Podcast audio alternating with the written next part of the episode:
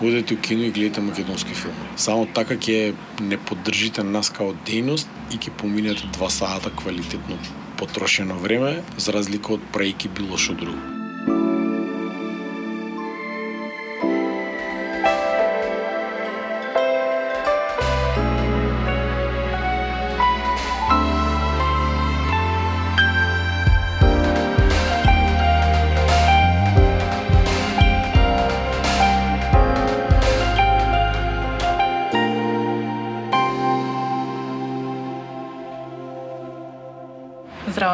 Кои што нас слушаат. Јас сум Сара Анастасовска, а вие го слушате културниот подкаст на Сара и Мартин.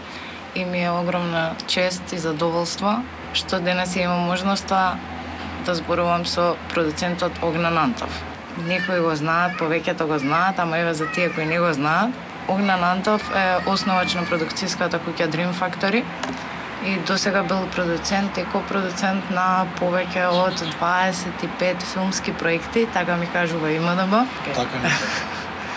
Дали е културно или е некултурно филмски под, подкаст, културен подкаст да пушиме цигари и да пиеме кафе? Необходно е. Фала ти многу. Последниот успех на Dream Factory е филмот Вера Сонова за морето, кој беше оваа година на Интернационалниот филмски фестивал во Венеција, каде што зема две награди и по втор пат Македонија е во Венеција, така? Втор проект. Да, Македонија Ова е втор пат Македонија на Венеција со тоа што првиот пат има лав, вториот пат нема лав, ама има затоа две други награди. Од кои што едната е особено битна за понатамошниот ниот развој и кариера на режисерката Калтрина Красники, заради тоа што наградата е без директор Андер Форти, кое што само по себе награди за филмот, али е, е огромен успех за нејзе, заради тоа што многу ќе и олесни работата. На моменти вака ќе ни брнче од моторчиње, пошто си седиме на тераса, си пиеме кафе и си правиме муавет, ама ја мислам дека нема да им смета на твоите слушатели што у полежерна атмосфера избравме да го правиме ова, заради тоа што не сум некако природен и комотен да правиме муабет у некакво си студио. Знаеш зашто? Заради тоа што јас сум од тип на луѓе што многу покомотен и полесно ме од другата страна на камерата, отколку да седам и да дам интервјуа, да објаснувам и исклучиво го правам тоа заради тоа што морам варијанта, не заради тоа што се осеќам комотно. Така да ова ми е не некако покомотна варијанта да се седиме на терасиче да се збориме и да биде поинтересно. Вера Сонова за морето само по себе е огромен успех не само за Dream Factory, за Калтрина као режисерка, туку и за мене као продуцент Стојан Вујчич, кој што е партнерот у Dream Factory, Dream Factory као само по себе и пред се успех на Македонија заради тоа што Македонија има филм на еден од трите А фестивали во Европа или еден од петте А фестивали у светски рамки, што само по себе е огромен успех на ниво на култура и уметност, пошто филмот спаѓа под, под таа гранка, но во исто време тој успех реално не значи ништо. Пошто живееме во една можам слободно да кажам, живееме во една озбилна живокречина кај што поголеми звезди на тема култура се политичарите, пошто они ни диктираат што треба да правиме, отколку што е реално ваков еден успех, кој што ако ништо друго заслужуваше да биде третиран како успех на Македонија беше третиран као да сме, не знам, као да збориме за јаболко берот у Ресен или за гроздо берот у Кавадарци, а не збориме за награда на, на и признание на еден од најголемите фестивали пет во светот. Колку објави, колку интервјуа имавте поврзано со ова? Имаше објави на две телевизиски станици, имаше објави на дузина портали, ајде да речам, интервјуа, интервјуа, нула. Филм Плюс? сега ќе излезе као заради тоа што со нив сме договорени, односно не сме договорени, него сакаме да направиме нешто како да го крстиме као затворена премиера. Не, нема не немаме соодветен збор, нешто на кое што новинарите малку теми на кои што покриваат култура да можат да го изгледаат и на основ на тоа да можат да направат интервју или пак рецензија, мини рецензија. Mm -hmm заради тоа што вака е стварно бесполезно да правиме пресконференција на која што ќе збориме за нешто за кое што они не знаат зашто се збори. А ова ти е иску... например, сега имала некаква медиумска покриеност, дали е таа доволна или не, мислам дека не е, затоа што за ваков успех. Треба цел Facebook портал да ми е. Еве, например, јас најмногу луѓе што ги имам на Facebook се актери, режисери, продуценти и слично, треба цел Facebook да ми е со Вера Сонова за Мурата, а не ми е. А дали ова ова ти искуството и со сите поранешни проекти, например Стела, Чкан, исто така има голем успех. Па, види, не, не заради тоа што а, одредени проекти може би се случија во, во некои моменти кога Джигане, например, проект кој што кој што го промовиравме во моментите пред да се случи шарена револуција во една таква интересна политичка наелектризираност. И за време на таа наелектризираност ние почнавме со една герилска кампања кај што имавме црни билборди низ Скопје на кој што само пишуваше Джиган и само по себе тоа направи една експлозија на на Твитер и на Фейсбук. Да, се Заради тоа што се препукуваа политичките партии мислејќи дека е тоа политички слоган на некој од на некој од другата политичка партија. И само по себе тоа дигне една таква джева, ама по во исто време не сруши моментот кога почнавме со кинодистрибуција, на пример на Джиган, не се случи моментот на шарена револуција, едноставно замре било што што беше поврзано со Джиган. А успесите, на пример, кои што ги имаше еве Джиган и Стела, ниеден од успесите не е третиран од страна на медиумите на, на начин на кој што културата го заслужува тоа но и на начин на кој што успехот сам по себе го заслужува тоа. Еве ќе ти дадам еден пример, ама примерот ќе ти го поставам со прашање. Дали знаеш што се случи со Медена земја, со авторите на Медена земја? Дали воопшто си чула дека некој нешто од државата направил за нив? Знам само дека на Сараевскиот филмски фестивал гледав краток филм во режија на Тамара Котевска, дека тоа е нешто ново што го има направено по Медена земја. Добро, ја ќе го преформулирам прашањето дали си видела нешто дека државата направила за нив или медиумите направиле за нив една година од после да имаме каде што имавме представник на Оскар. Значи не разговараме за представник на фестивалу Радови, значи збориме за најврвот на врвот. Ево во врвот една година после дали си чула нешто некој дека нешто направил за тие луѓе? Не.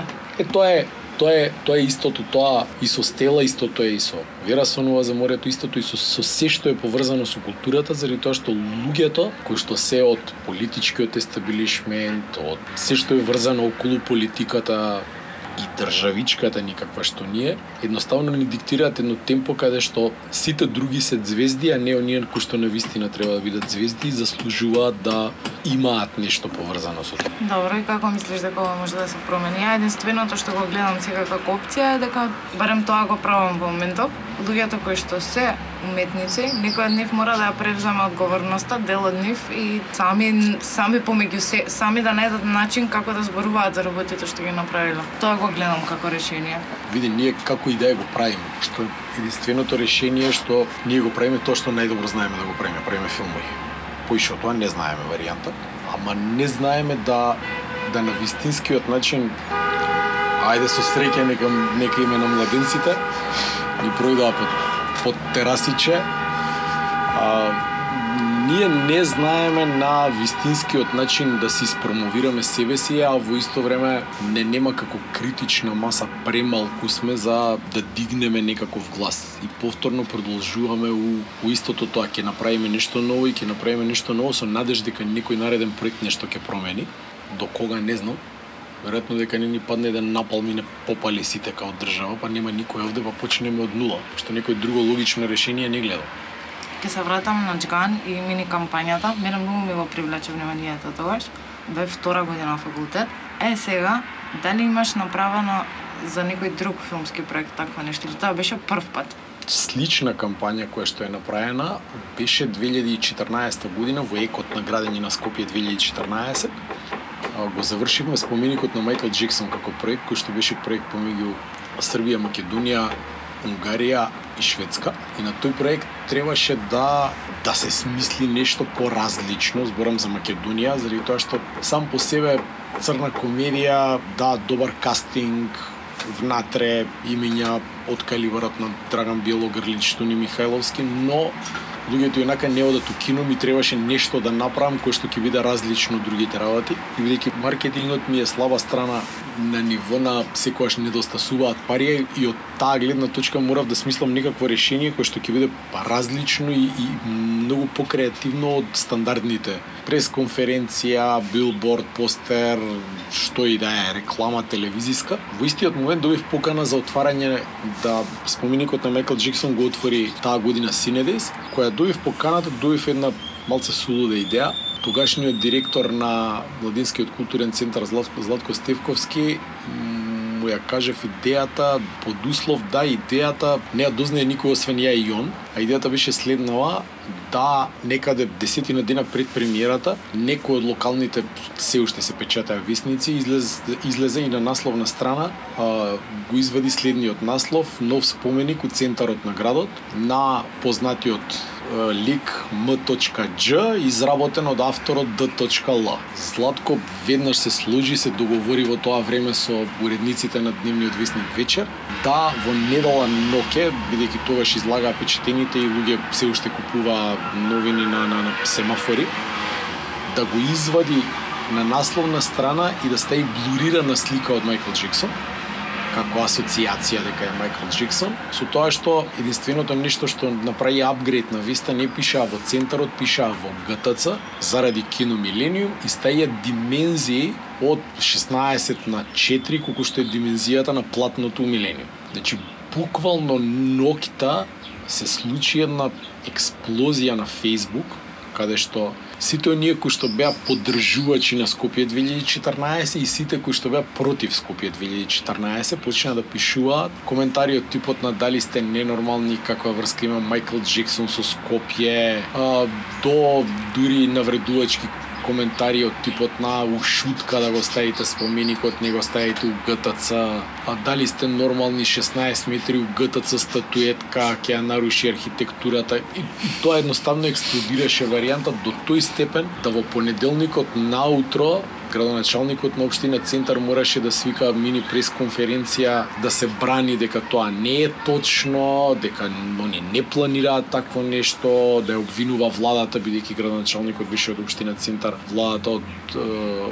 градоначалникот на општина Центар беше од СДСМ, владата на ВМРО, почина да се припукуваат меѓу себе едни да напаѓаат, други да се бранат и обратно, за да сите медиуми кои што во тоа време го покриваат тоа го пренесат и во превод така наречената кромит вест ја лапнат као врх кромит и комплетно да експлодираат и Твитер и Фейсбук тие неполни 24 сата, за да единствено во вторникот наутро само фокус објави една вест која што беше веројатно дневниот вестник вечер си игра мајтап и објавува Кромит вести бидејќи а, во моментов е завршено и се спрема премиера на филм кој што се вика споменикот на Майкл Джек, Джексон и само они, ама ниеден друг вестник тоа не го не го примети. Јас на основа на таа кампања дури после тоа имав и неколку мастер класови предавања како може да се искористат некакви современи текови за да се поврзе тоа со филмот. Дури некои странци кои што беа на тоа предавање во Македонија излегоа не знаејќи за Скопје 2014 дека е нов проект мислејќи дека така Скопје изгледало од секојаш. После предавањето излегоа надвор да шетаат по Скопје за да за да видат уствари до каде е работата отидени како бараа фотографии како изгледало пред тоа Скопје. Работата отиде до таму да на официјалната пресконференција кога се обзнани уствари дека филмот кој што го отвара Синеди се споменикот на Майкл Джексон се случи момент да неколку новинари ја напуштија пресконференцијата од после, видно навредени веројатно од мене како индиректно сум ги изманипулирал што апсолутно не ми е нити ми е криво од оваа гледна точка, дури им благодарам на сите што едноставно го голт на тој Жежо Костен, Врг Компир или по-скопски го лапна. Така да тоа беше тоа беше таква инвентивна варијанта. Стела требаше да биде така, но со Стела се случи моментот на 23 март 2020 година закажена премиера, 16 март локдаун во Скопје, откажена премиера, Така да, тука се случија некои работи што едноставно не успеавме да ги направиме. Требаше да има минишар планинци, како подароци за укино. Многу работи кои што беа планирани едноставно не се случија заради тоа што ковидот си го направи тоа што требаше да си го направи. Дали е креиран од некого, дали не е креиран, апсолутно знам дека една работа направи озбилна белја у нашата индустрија. Се снимаа филмови, но немаше премиери што е најлошо за некој кој што кога ќе го родите вашето дете, да не можете да му ја даете првата лажица млеко или првата цицка млеко или не знам како и да го наречам веќе тоа, да имате ситуација кај што го имате, а не можете да го покажете тоа што сте го направиле за оние за кои што е наменето. Стела исто така беше на повеќе фестивали. Кој зема награда? Стела до сега заклучно со муабетов мислам дека има 11 фестивали. Тргна со Сараево. Стела во режија на Столе Војчич е првиот детски игран филм, така? А, да, а, кога го тргнавме да, да ја спремаме Стела, свативме дека никогаш во дури ни во историјата за време на бивша Југославија, Македонија не направила детски филм. А, направени се серии, кратки филмови, но никогаш не е направен долгометражен игран филм. Стела по некој жанр е и семеен и детски. Значи не е само детски и не е само семеен. Најточната класификација би била семеен варијанта. Сараево Сараево беше личен мерак, да речам, заради тоа што 2010 година со шивачките освоивме Гран При на Сараево, јас и Билјана Гарванлиева, такво едно такво едно добро искуство, значи не е фестивалот, односно не наградата само по себе, туку фестивалот, градот, а, целата атмосфера околу фестивалот, сите работи што се случуваат таму, такви едни убави спомени да едноставно сакав после X години да се вратам некако на Сараево. Истела беше идеалната варијанта да се вратиме на Сараево. Во меѓувреме истера уште дузина фестивали, на фестивалот во Брач освоивме нешто, не можеме да го карактеризираме као освоивме заради тоа што бевме најгледан филм со од страна на публиката со детска содржина. По имавме највисок скор на гласови добиени од нив. Пред три дена добивме награда на не, не фестивал во Париз, се вика Париз Cinema Awards, добивме награда за најдобар режисер или најдобра режија, така да Стела има има уште пат пред неизе. Значи ја се надевам дека не сум не мислам дека ќе живе уште добри 6 месеци по фестивали. За да имаме успешен филм, треба да имаме добра сценарија, треба да имаме добра режија, треба да имаме добра продукција. Ама се почнува од сценаријата. Како препознаваш добро сценарија? Може би за секој е различно, ама еве последно Вера сонува за морето како чувствуваш дека ова сценарио може да дали се поврзуваш лично со сценариото или гледаш дека тоа е атрактивна тема која што сега ќе биде добро прифатена по фестивали и слично? Не постои тоа атрактивна тема што ќе биде добро прифатена по фестивали заради тоа што хитовите на ниво на светски хитови беа од Например, едно време имаше експанзија на романски филм, на ирански филм и така натаму, заради тоа што тоа беше модерно. Но генерално кога ќе го фатам сценариото у рука, кога ќе го прочитам, или треба да ме дирне, или едноставно не гледам што би правил јас со него. Нема никаква врска кој е жанрот на филмот, нема врска кој е режисерот, едноставно треба ми се свиѓа. И во 99% од случаи секогаш кога сум земал сценарио кој што ми се свиѓало варијанта, обично тоа проаѓало имало успех, а некогаш сум земал сценарија кој што едноставно ми се гледале може би не толку интересни колку што имале таков потенцијал од тој тип. Може би ќе биде фестивалски. И обично се случувало да тие проекти никогаш не ги не изработам, баш заради тој момент не добијам финанси, на пример кај нас или што и да е, само заради тој момент што ја нема силата да ме дирне и да ради тоа направам нешто друго. Пред да дојдеме до ова интервју, се обидов да ги најдам интервјуата кои што ги имаш направено во последните години и најдов една работа која што имаш кажано и многу ми се допаѓа и сега ќе ја препрочитам и ќе надоврзам прашање на тој твој цитат. Може? Ајде. Имајте јасна цел во животот, што сакате да направите. Дали со себе, дали со своето семејство, дали со вашата кариера, нешто што ќе ве води. Е сега верувам дека со твоето огромно искуство и во животот и во филмот, нашиот разговор може да биде водилка, инспирација, мотивација за многу млади а, филмски работници. Па сега да те прашам која, дали знаеш која е таа или може би повеќе се, кои се тие цели што тебе те доведоа до успешна кариера на еден продуцент? О, сигурно јас сум го кажал. а, во моменти луѓето да забораваат кои им се целите у животот и заради заради што постојат, функционираат, творат, создаваат како и да го наречеме тоа, влегуваат во некоја си колотечина каде што ги носи реката, тие воопшто не се контролираат низ таа река, не пливаат, туку само ги носи реката и забораваат зашто влегле воопшто во таа река и дека целата идеја до негде да испливаат, нешто да направат, да стигнат до од точката А до точката Б. Тоа е некаква си цел која што ја спомнувам таму. Генерално една од моите лично движечки цели која што ми од секогаш ми била варијанта, сум сакал да да државата која што јас живеам и работам да биде малку попозната. така да го речеме тоа, и да работам работи кои што мене ме прават среќен. Значи, кога ги работам работите кои што мене ме прават среќен и ме исполнуваат, тогаш можам да стигнам до одредена цел.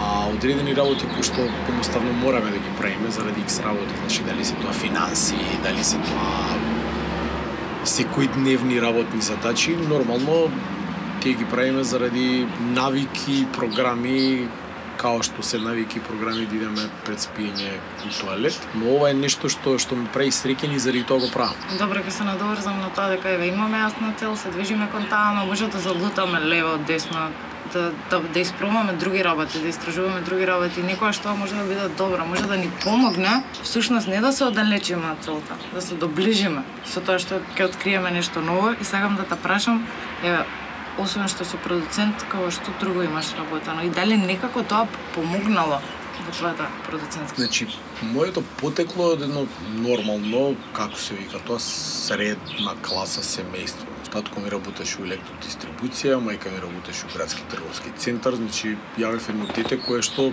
мечтаеше да има малку повеќе од оној стандарден джепарац кој што тоа време беше стандард. Каков и да е. Едноставно решив во еден момент дека сакам малку повеќе и почнав прво да работам по кафичи, по дискотеки, чи сватив во еден момент дека сум работел милиарда работи и животов. Не сум не сум чистил само тоалет за пари, тоа сватив. Значи, работејќи милиарда работи, веројатно, веројатно тука е најголемото искуство. Искуството што некои го викаат искуството на улица, за да ме искали да можам да се снаоѓам во секакви ситуации. Во 90-ти години работев у до локално радио не постои веќе се викаше Радио Уно. Таму имав одредена допирна точка со некакви работи кои што се сосема друг тип на продуцирање. Потоа неколку години во Ultimate продукција као музичко издаваштво, музичка продукција која што да беше добро искуство, но не би се нафатил никогаш повторно да се занимавам со музичко издаваштво и музичка продукција. И лека полека од тој дел се преидов у ова што го работам се уште. Да бидам искрен, не знам дали би го работел ова цел живот. Може би ќе ми се појави нешто ново кое што ќе ми биде нова играчка во животов, па таа ќе ми биде поинтересната, оваа ќе ми биде споредната. Никогаш не не викам никогаш заради тоа што може да ме наведе патот на нешто многу поинтересно и нешто што можеби ќе ми исполнува повеќе од ова од ова во моментов, но не сум го открил се уште. Мислам дека тоа се гледа и преку проектите што ги имаш работено, односно не е само филм, има реклами, има и филм, има и танцот звездите.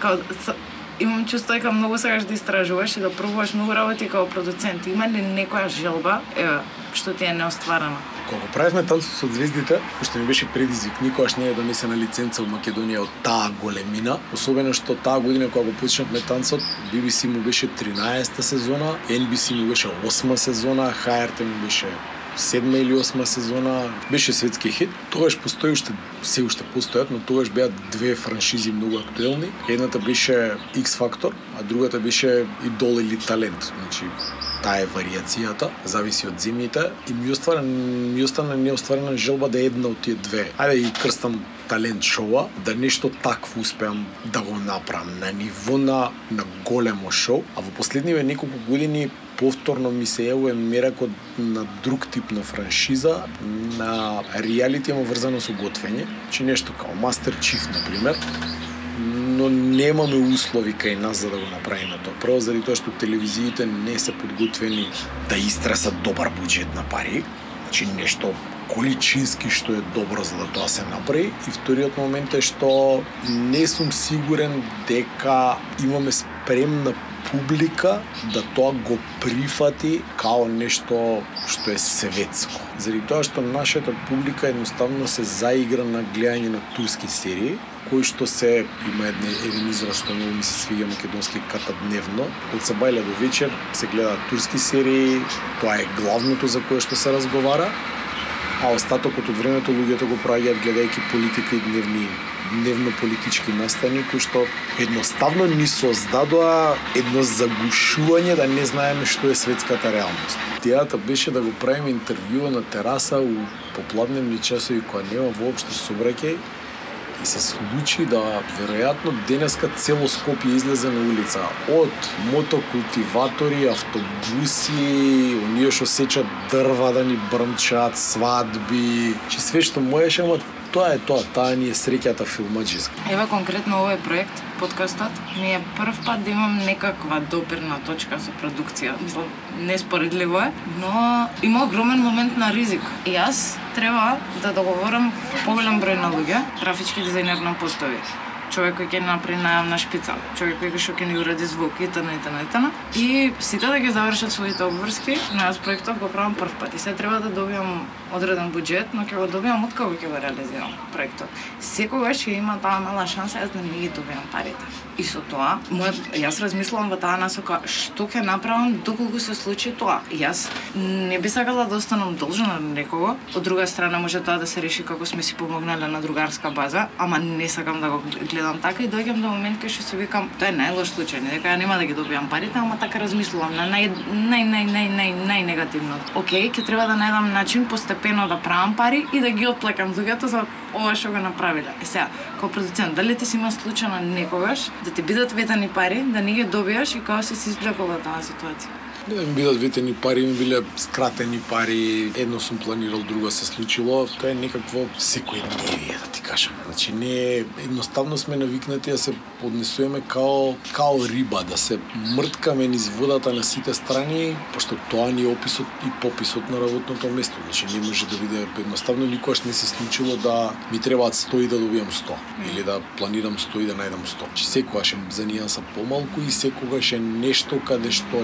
не некој ќе биде скратен. Значи, дали јас, дали некој, дали сите заедно, но секогаш е некоја варијанта каде што можеби некој ќе биде помалку среќен или пак ќе се случи момент да некој едноставно си планирал, можеби нејасно, некој си планирал нешто повеќе, а добил помалку, па е помалку задоволен, но ризикот као ризик е огромен. Еве ќе ти кажам еден пример, нашава работа е пред се многу мазохистичка работа. Значи не е многу нормална работа, заради тоа што никој нормален не би прифатил да биде надвор и да снима на плюс 40, на минус 20, да снима 12 сати утекот на една ноќ, 6 дена у неделата, 5 недели поред, 6 или колку и да е.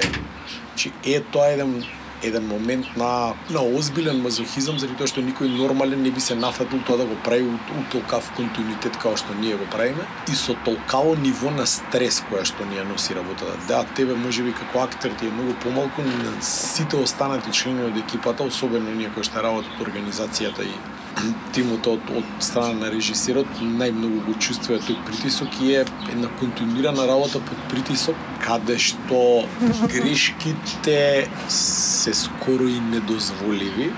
Едноставно тие грешки чинат многу пари, чинат време, времето кај нас чини пари, чинат застои, чинат лош квалитет и така натаму, кој што се работи за нас мора да, да ги испланираме многу однапред, ама да ги испланираме и сите можни работи кои што би се случило како проблем. Освен работи као, на пример, за време на Стела, на слободен ден, младиот Петар Манич, кој што е главна улога, дете, скрши нога. Значи едноставно тоа е виша сила. Значи не не можеме нити да го предвидиме нити да го спречиме. Да, направивме на подолга пауза, работевме со дете дублер варијанта за да се снајдеме, но тоа си си направи некои работи кои што за можеби обичниот гледач не се видливи, но за нас од луѓе од фелата има некои детали кои што ги приметуваме и не ни се јасни зашто е тоа така. Да знаат луѓето дека се случило тоа, можеби би им било јасно, но едноставно не можете пред да пуштите филм да кажете е знаете дете ми скрши нога, па се имате на, на, на, на ум дека на моменти има статични сцени. Тоа е тоа. Значи, се сновијат. А дали ти конкретно некогаш си давал креативни решенија? Еве во некој од филмовите Да на Секогаш. Значи јас не работам проекти освен, значи во копродукцијските проекти каде што не ми е дозволено, или сум влегол веќе каде што е затворено сценариото, останува само некакви креативни решенија на ниво на кастинг, на ниво на локации, некои такви предлози да сугерирам, но генерално македонските проекти кои што ги работам, во сите сум бил од самиот почеток. Американците милуваат да го нарече тоа нешто као креативен продуцент, јас не, значи, јас не знам да пишувам сценарио. Јас можам да направам костури, да направам тритмент или аутлайн, но ја не знам да ги пишувам сценаријата и не се нафаќам на нешто кое што си има професионалци може да го заврши. Секогаш се мешам, значи секогаш се мешам, буквално се мешам заради тоа што сакам, ако е возможно, да го достигнеме максимумот што може. Значи, било која приказна согласно условите да ја направиме најдобро што може. Како реагира е, режисерот на тоа? Кој ќе му дадеш предлог? Зависи. Значи, има, реш, има режисери кои што се доста трезвени и кои што разбираат дека тоа е полезен коментар и, и корисен и може да му помогне понатаму.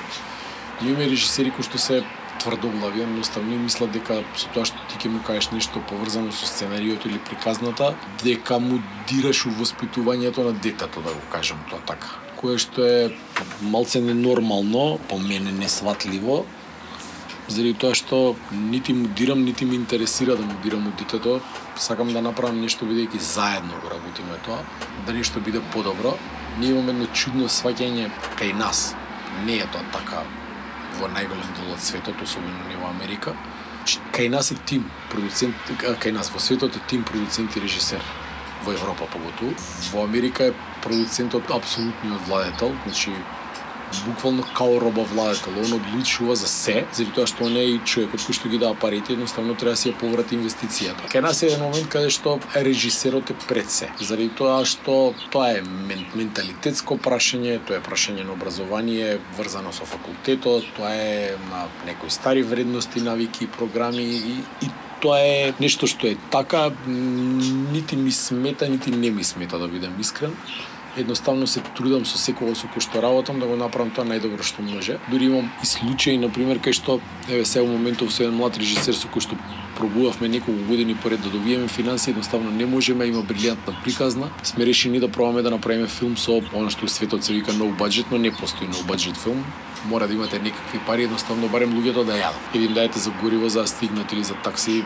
на снимањето. Се останато може да биде и за без пари, односно никош не е за без пари, тие луѓе работат за нешто, односно тоа е нивната работа и нивниот труд ќе биде некако финансиски влог што кога би се продал понатаму филмот би им се рефундирало на нив. Ама заради тоа што режисерот ми е и многу драг и има добра приказна, дури сум спремен да тоа го направам. Тоа има и една има една приказна заради тоа што кај нас има една проклетија да многу често режисерите стануваат дебютанти над 35-40 години, ама не тоа тоа и со режисерите, тоа е многу често се случи со актери да добијат прва главна улога пример Јордан Симонов значи, на 40 години ја доби прва главна улога, упанкот не е мртов, што е што е некаква проклетија, не е, чи збориме за брилијантен актер, кој што едноставно заради необјасними причини никој не му дал никоја шанса.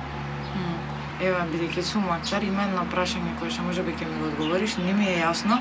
Значи влегувам на кастинг, го проаѓам кастингот, снимката останува. Кој се ја гледа снимката и кој се има влијание врз тоа кој ќе ја добие улогата, кој се може да каже, окей, дали се днуваат како 10 луѓе и ги гледаат сите 100 снимки, тоест 100, никогаш не биле 100.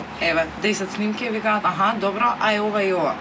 Окей, ај не, ова, ова и ова А ја ќе ти кажам низ мој пример. Значи, обично се јас режисерот и кастинг директорот. Да, кастинг директорот сугерира на база на предходни искуства од со тие актери, ја сугерирам ако ги знам актерите исто на база на предходни искуства или сугерирам на база на на што ја гледам или не гледам таму. Режисерот си го има финалниот збор, заради тоа што он на крајот на криштата ќе треба да работи со нив понатаму.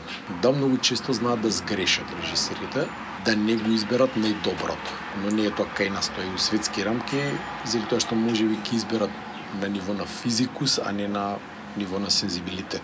Не мора да значи дека филмот ќе биде лош, но во исто време имаме примери кај што, пример на Джиган, примерот беше кастинг директорот не сакаше да чуе ништо за изборот на Мартин за главна улога, бидејќи таа не го гледаше воопшто во филмот него, физички не ја одговараше, однесувањето не, не ја одговараше, но едноставно режисерот реши дека има нешто необично во тоа дете кое што може да биде брилијантно и тоа и се покажа. Значи, Мартин зема четири награди за, за тој проект, но нај смешното беше дента кога ја зема четвртата награда, ја земал конкуренција со имења од типот на Никола Ристановски и Драган Белогрлич и три дена после тоа него примија на факултетот за драмски уметности и мораше следната година повторно да оди што е многу многу необјасниво и неразбирливо и кретенски, дегенски да ти имаш некој кој што ти е спремен. Едноставно имаш дрво кое што ти е изделкано и ти само треба после да се занимаваш со ситно шмирување и полирање ти на дрвото му речеш, е, почекај, расти уште една година, што, дека нешто се доби? Не. Дека моментот на егото, кое што му било големо заради тоа што имал 4 награди, после една година ќе му биде помало, окей, ама глупост е тоа као начин на размишљање. Имате шанса, земете го и искористете. Тоа е целата работа. Има такви милион милион случаи. Мислам дека знаеш и сама и ти дека е Никола Ристановски не е примено прва на Петте пат мислам. така да. нешто на Да. Федел. Тони Михайловски не знам дали од прва или од втора. Значи имаме милион такви случаи каде што сме промашиле таленти, ги примал факултетот после два пати, три пати, четири пати, што е многу чудно. Има нешто што те поминува низ глава тебе што би требало да те прашам, што би сакал да го кажеш, а што не те прашам. Што имаш друго прашање? А, кој ти бил првиот проект? Првиот филмски? Да. Првиот филмски проект ми е Години самотија се вика, тоа е еден краткометражен игран филм во режија на Филип Кондовски. Инспириран е, нема никаква врска со книгата, но е инспириран као тематика од, од Години самотија. 2002 или 3 мислам дека 2003 година. Го работевме у Прилепско Марио. Прекрасно место за снимање, два пати сум бил, трет пат не верам дека ќе отидам. Година убаво си поминавме таму, у едни прекрасни пейсажи, у една жега, у едно озбилно добро гостопримство од страна на прилепчани, ама многу мачно технички заради тоа што снимавме уштавица која што нема струја, нема вода, мислам има струја двај, нема вода, нема тоалети, нема нема нема нормален пат. Значи многу работи кои што се многу тешки продукциски, а од тој филм си направи многу нешта, значи многу шеташе по фестивали, дури се сеќавам дека после 5 или 6 години ми се појави некој, дали преку па, македонската амбасада у Софија или нешто така каде што ми донесе плакета или од Русија, не се ни сеќавам дека филмот земал некаква награда на на на некој фестивал три години после неговото стартно прикажување ми направи многу многу мерак да да да проект кој што едноставно сум го заборел, работам нешто друго, уствари живее се уште. Е тоа е можеби една од најубавите работи зашто ја работиме оваа работа и зашто уште ќе ја работам оваа работа. Клише прашање, ама морам. Кој ти е омилен филм? Има еден што ти е омилен? Па еден. Еден не можам, ама ајде меѓу петте секојаш го вадам Goodfellows. Мастерпис од приказна, режисер, неам зборои. Глумачка екипа брилијантна. Тоа ми е така еден од во исто време сум, значи фан на, на не не секогаш. Знаеш како кај нас има една поделеност на многу луѓе од Европа, ама имаат подценување кон одредени холивудски-амерички работи, ама ако ги прегледате било кој дури и блокбастер, значи точно знаете кон кого имате антагонизам, точно знаете по некоја си математика во која минута што се случува од филмот, каде е заплетот, каде е расплетот колку и да глупи изгледаат, например, но имаат некаква математичка формула и се добри. Пример, јас сум фан на Star Wars, значи тоа ми е нешто кое што сум растал од дете и се уште ги сакам као франшизи. Си го сакам Джеймс Бонд, колку и да не е уметност у, у прајање, ама е своевидна уметност. И да направиш скоро 30 наслови овие 30, 35, 6, 40 години, треба стварно да, да да има месо у тоа као приказна. А, бидејќи читав стрипо и сум фан на, на Марвел, не можам да се решам дали ќе биде Iron Man или Тор. Silver Surfer ми беше као дете еден да од ликовите стриповски што многу си го сакав. Има уште милион такви наслови кои што си ги сакам, а во исто време гледам свежи видео. Значи не бирам нешто што што што гледам дали е добро, дали е лошо, дали е вакво, дали е такво. Е, на, во последниве неколку години имам фаворит глумец на пример, што ми е што некад би сакал да работам со него пошто мислам дека е брилијантен како актер Виго Мортенсен. Чи уште кога го гледав у таа година он беше номиниран за Оскар за машка улога, не ја доби. Следната година беше за споредна машка улога, не, две години после тоа беше за споредна машка, мислам дека и таа година не доби. Значи првата година беше за Кептен Фантастика, што е главна машка улога. Две години после тоа беше за Green Book како споредна улога, мислам дека и таму не доби Оскар. Ама и двата филма се одглумени пичку матер, значи секоја чест и тоа ми е да речеме тие таквите неостварени желби да да да можам со некој таков да работам. Сум работел со одредени британски и холивудски звезди кои што фамата дека тие се некакви звезди ми се скршил филмот на првиот таков проект, кога сватив дека уствари тие се обични луѓе како и како и ние. Дека ги прават обичните работи, сакаат обични работи, ама ние гледаме другачие на тоа прв пат, например, Морган Фриман на вечера кога го запознав, тоа беше такво едно лифтерно, еден чичко, насмеан, фин, таков, мек, мек, мек чичко, не знам како да го наречем, бидејќи ние ги гледаме другачие и викаме, вау, сега. Mm. Добро, за крај на епизодата, што би им кажал на нашите слушатели? Идете у кино и гледате филмови, гледате македонски филмови, што кога гледате филм имате на вистина потрошено, квалитетно потрошено време од 2 часа во животот. Читајте книги, пошто тоа ќе ве направи попаметни, поискусни за одредени работи и сега да направиме така малце по-хипички, make love, бла бла бла. Нема везе. Значи, на крај би им кажа на твоите слушатели, бидете посвесни и излезете на улица за било што што нема да ви се допаѓа и пробајте да го промените светот, пошто светот е спремен секогаш да да трпи промени, зависи колку ние сме спремни да се смениме. Фала ти многу што одвои време и што сега што да учествуваш во културниот подкаст на Сара и Мартин. Фала и на тебе за поканата, се надевам дека ова ќе ти остане као подолгорочен проект, па ќе слушаме поише подкасти и дај Боже да се прочуе поише, да имаш поише гости. Фала.